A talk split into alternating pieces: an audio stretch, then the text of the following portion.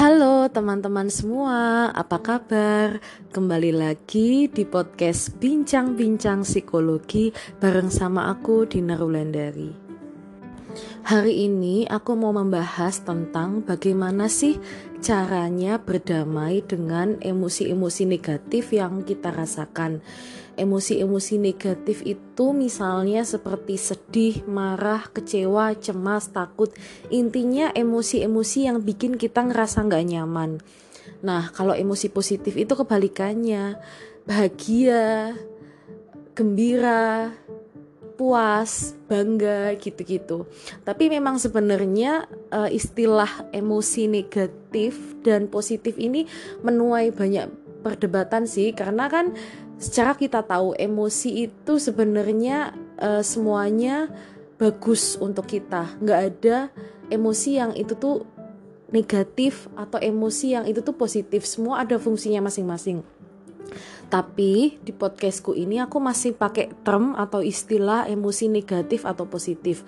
Bukan karena aku menganggap bahwa emosi negatif itu jelek buat kita tapi untuk memudahkan ketika aku membahasnya sama teman-teman. Jadi ketika aku nyebut emosi negatif teman-teman tahu kalau yang aku maksud adalah emosi-emosi yang aku sebutkan seperti sebelumnya. Jadi jangan salah paham ya teman-teman. Dan teman-teman juga harus tahu bahwa emosi-emosi yang kita rasain ini semua bagus untuk kita karena ada maksudnya masing-masing. Misal kalau kita nggak pernah ngerasa cemas gimana kita mau prepare untuk jadi lebih baik. Kadang kan kecemasan itu membuat kita jadi mempersiapkan segala sesuatunya jadi lebih baik. Misal kita mau presentasi besok, kalau kita nggak cemas sama sekali, ya kita nggak jadi siap-siap dong buat besok. Kalau nggak siap-siap, hasilnya nggak maksimal. Jadi gitu teman-teman, emosi itu sebenarnya baik buat kita. Asal emosi itu nggak berlebihan dan nggak mengontrol kita, tapi membuat kita melakukan hal-hal yang baik untuk perkembangan kita. Nah, teman-teman, sebenarnya ada dua cara untuk menanggulangi emosi negatif yang kita rasakan. Jadi, dua cara ini dibagi menjadi yang pertama namanya emotion focus coping dan yang kedua problem fokus coping. Jadi apa tuh maksudnya? Maksudnya ketika kita misal lagi ngerasain sedih, emotion focus coping itu adalah kita menanggulangi kesedihan kita dengan cara menenangkan emosi kita dulu. Misalnya kita lagi sedih, karena sedih banget kita tidur dulu biar tenang. Atau kita dengerin musik dulu biar lebih lega gitu. Nah, kalau problem fokus coping itu adalah kita berdamai atau menyelesaikan emosi negatif kita dengan cara mencari solusi dari masalah tersebut. Jadi langsung menghadapinya. Misal sedihnya karena apa nih? Oh sedihnya karena misalnya karena aku lagi nggak punya uang nih. Yaudah ketika kita tahu kita lagi nggak punya uang biar nggak sedih lagi ya gimana? Ya kerja cari uang. Simpelnya contohnya gitu ya teman-teman. Perbedaan antara menanggulangi emosi negatif yang kita rasakan dengan nenangin diri dulu sama dengan langsung ngadepin masalahnya. Nah, teman-teman, aku mau bahas sedikit banyak tentang uh, isu-isu terkait ini, masalah-masalah terkait ini, kapan sebaiknya hal ini digunakan, kapan sebaiknya tidak. Jadi teman-teman, ada saatnya kita mesti menggunakan emotion focus coping atau berusaha menenangkan diri kita sama ada saatnya kita harus problem focus coping menyelesaikan masalah itu langsung cari solusi karena kalau dilakukan di saat yang gak tepat jadinya gak baik. Aku kasih contoh ya. Aku punya sebuah kasus anggaplah inisialnya A. Dia ini setiap dia mendapatkan stres, baik itu dari kerjaannya atau dari masalah dengan pacarnya, temennya, dia itu selalu melampiaskan dengan makan enak terus-terusan dan nonton Netflix, anggaplah gitu ya nonton Netflix. Intinya nonton film lah mengalihkan. Dia terus-terusan kayak gitu. Tiap sedih makan nonton, sedih makan nonton.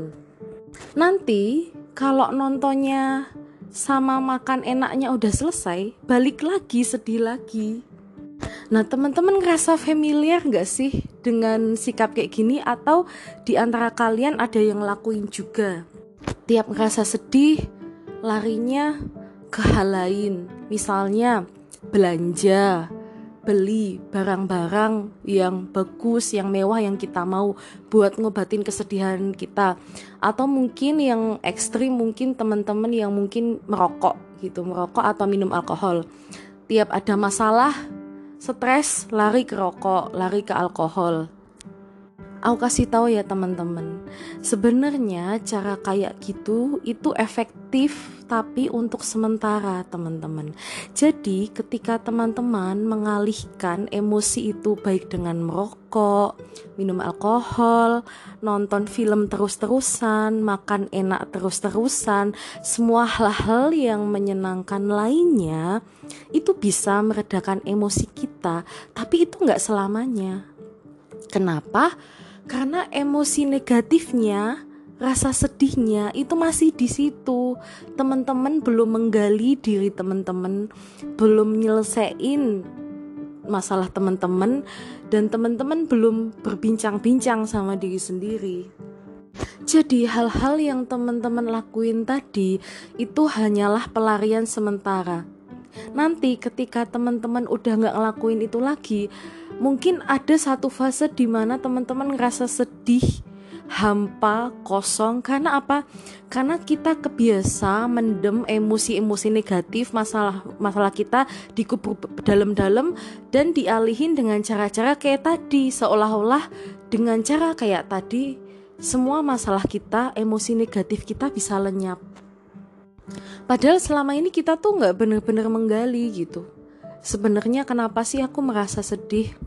apa sih yang sebenarnya bikin aku ngerasa sedih coba deh teman-teman sadar nggak ketika lagi sendirian nggak ada kerjaan teman-teman itu terbayang hal-hal yang bikin teman-teman sedih dan teman-teman sedih lagi rasain emosi itu lagi makanya teman-teman seneng kan ngalihin uh, ngalihin kesedihan itu dengan menjalani kesibukan pokoknya berbagai aktivitas supaya nggak ngerasain itu sedih lagi teman-teman bisa relate gak? Aku kadang juga dulu juga kayak gitu sebelum nyadarin emosi. Setiap aku sedih, aku sibukin diri, aku ngelakuin berbagai hal supaya aku lupa. Tapi ternyata itu nggak bener-bener manjur karena ketika aku sendirian lagi, aku sedih lagi inget masalahku. Nah, yang mesti kita lakukan, oke okay, nggak apa-apa kalau itu dilakuin sementara. Oke okay, nggak apa-apa kita sedih, yuk kita nonton film dulu yuk biar tenang. Atau yuk dengerin musik dulu yuk. Atau yuk main dulu, hangout dulu. Tapi tidak dilakukan dengan terus-terusan lantas mengabaikan emosi kita sendiri lantas seolah-olah melupakan emosi kita sendiri. Karena dia akan tetap ada di sana tinggal nanti nunggu keluar ketika ada panggungnya. Coba ketika sendirian di kamar lagi nggak ada aktivitas dan tiba-tiba teman-teman itu ngerasa sedih karena satu hal. Tanya ke diri teman-teman sendiri ajak ngobrol. Kenapa ya aku merasa sedih sekarang? Apa sih yang mau perasaan sedih ini sampaikan ke aku Sebenarnya aku ini sekarang lagi ngerasa sedih karena apa ya? Oh ternyata ini ya yang bikin aku sedih. Aku gak sadar loh selama ini aku tuh ternyata masih sedih karena masalah ini. Cuma selama ini aku menyangkal aja Pura-pura gak sedih, pura-pura udah ngelupain.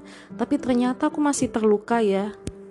Dengan mengajak ngobrol diri sendiri Dengan mengakui perasaan yang ada Percaya deh teman-teman akan ngerasa jauh lebih baik perasaannya atau kondisinya. Mengakui kalau teman-teman lagi sedih, lagi marah, lagi kecewa, meski itu mungkin bagi teman-teman atau orang lain peristiwanya sepele, itu bukan hal yang lemah, teman-teman. Bagi orang lain mungkin itu sepele, tapi kan enggak bagi teman-teman karena teman-teman yang ngalamin sendiri, orang lain nggak tahu. Jadi, paling enggak kalau selama ini teman-teman itu masih suka berpura-pura lagi baik-baik aja sama orang lain, paling enggak janganlah bohong sama diri sendiri. Oke deh, kita di depan orang lain kita nutupin perasaan sedih kita, lemahnya kita nggak apa-apa.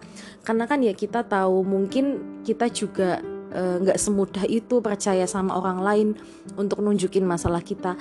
Tapi jangan sampai kita tuh bohong sama diri sendiri. Jangan sampai kita menyangkal aku nggak sedih biasa aja. Masa masalah gitu doang aku sedih? Itu bener-bener nyiksa teman-teman. Teman-teman tahu nggak kita tuh bisa banget bohongin orang lain. Tapi kita nggak pernah bisa loh bohongin diri sendiri. Seenggaknya akuin dulu ke diri sendiri kalau ya aku emang sedih. Aku emang malu aku emang terluka. Karena ketika kita menerima itulah awal kesembuhan kita jadi teman-teman yang tadinya masih suka ngalihin ke aktivitas lain, yuk coba kita gali sedihnya kenapa, belajar untuk nenangin diri sendiri, belajar untuk ngayomin diri sendiri, belajar untuk jadi ayah dan ibu bagi diri sendiri. Tenangin diri kita seperti kita tuh pengen ditenangin orang lain. Kita tuh kalau lagi sedih kita tuh pengen ditenangin kayak apa sih sama orang lain? Kita pengen digimanain sama ayah atau ibu kita. Nah ketika orang lain itu nggak mampu ngasih hal itu ke kita coba peluk diri sendiri berikan cinta itu ke diri sendiri, berikan perlakuan itu ke diri sendiri. Mungkin kesannya kayak abstrak banget ya. Gimana caranya nenangin diri sendiri? Gimana caranya ngobrol sama diri sendiri? Kalau yang biasa aku lakuin, aku tuh cukup ngomong aja dalam hati sambil nepuk-nepuk diriku. Iya, nggak apa-apa kok Dinar. Iya, aku tahu kamu terluka. Iya, aku tahu sedih ya.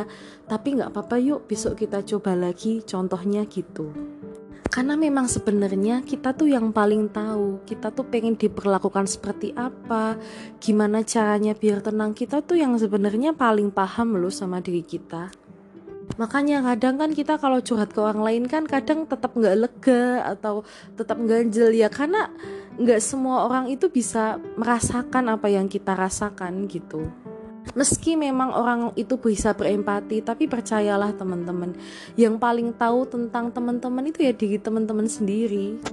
Bukan berarti terus aku mengajarkan kalian untuk nggak minta bantuan ke orang lain ya ketika ada masalah, bukan gitu. Tapi ada baiknya kalau teman-teman itu juga bisa untuk mengandalkan diri sendiri, menenangkan diri sendiri. Kalau teman-teman memang rasa nggak kuat dan butuh bantuan, minta aja. Tapi kayak yang aku jelasin di podcast episode-episode selanjutnya, eh epi, maaf episode-episode sebelumnya bahwa kita tuh harus mencari keseimbangan antara mencari atau men, ya benar mencari atau mendapatkan cinta dari orang lain sama mendapatkan cinta itu dari diri sendiri. Coba dengerin lagi episodeku yang tentang mencintai diri sendiri sebelum mencintai orang lain. Di situ aku ngasih analogi bahwa uh, kayak ngisi bensin, kita harus punya 50% bensin itu dulu baru kita ke pom bensin untuk minta diisi. Jadi kita harus ngisi cinta itu dulu ke diri sendiri baru minta dari orang lain. Kenapa kalau kita nol kosong bensinnya terus kita bawa ke pom bensin mogok. Ketika pom bensin itu nggak bisa ngisi kita nggak akan bisa jalanin motornya gitu loh. Tapi kalau misalnya kita masih punya 50% kita masih bisa jalan ke pom bensin lain. Kayak gitu teman-teman. Jadi ketika misalnya kita lagi sedih kita lagi terpuruk terus lingkungan itu kayak nggak bisa nenangin kita nggak ada yang bisa ngertiin kita nggak ada yang bisa diandelin. Kita tuh masih punya diri sendiri gitu loh teman-teman kita nggak habis gitu loh. Gitu teman-teman. Jadi tetap ada keseimbangan itu. Keseimbangannya juga teman-teman juga hmm, mungkin kita sebagai manusia ada lemahnya juga nggak mungkin juga hanya 100% menghandle semuanya tanpa minta bantuan orang lain pasti kita juga ada limitnya. Nah teman-teman temukan keseimbangan itu. Kapan kita tuh harus beneran kita minta tolong sama orang lain sama kita mencukupi ke diri sendiri ketika emang gak ada yang bener-bener bisa bantuin kita gitu. Dan jangan gengsi juga untuk minta bantuan. Kita kan juga di sini saling membantu gitu. Semua pasti saling membantu semua pasti butuh bantuan gitu jadi gitu teman-teman, selesaikan masalahnya, jangan cari pelampiasan terus-menerus. Ya, karena gimana pun teman-teman itu lari dari perasaan sendiri teman-teman gak akan bisa bohongin itu sebelum teman-teman mengakuinya dan menyelesaikannya gitu dulu aja episode kali ini. Kalau misal ada yang kurang jelas dari episode kali ini boleh banget lo ditanyain DM aja di Instagram aku di @dinarulandari atau di Instagram podcast aku @bincang-bincang psikologi. Nanti aku akan jawab sebisaku Oh iya, follow ya yang Instagram podcastku Bincang-Bincang Psikologi soalnya aku tuh bakal nyediain konten-konten psikologi juga di situ. Terima kasih ya teman-teman sudah dengerin. Terima kasih udah meluangkan waktunya untuk ngikutin episode-episode di podcast aku. Aku senang banget bisa engage sama teman-teman. Aku senang banget kalau ada teman-teman tuh yang nge-DM aku, ngasih testimoni itu aku jadi ngerasa wah aku tuh nggak sia-sia ya ngelakuin ini ternyata podcastku tuh berguna juga ya buat orang lain. Sumpah itu aku senang banget. Makanya aku mengencourage teman-teman kalau ada yang mau ditanyain didiskusiin DM aja aku. Segitu dulu teman-teman. See ya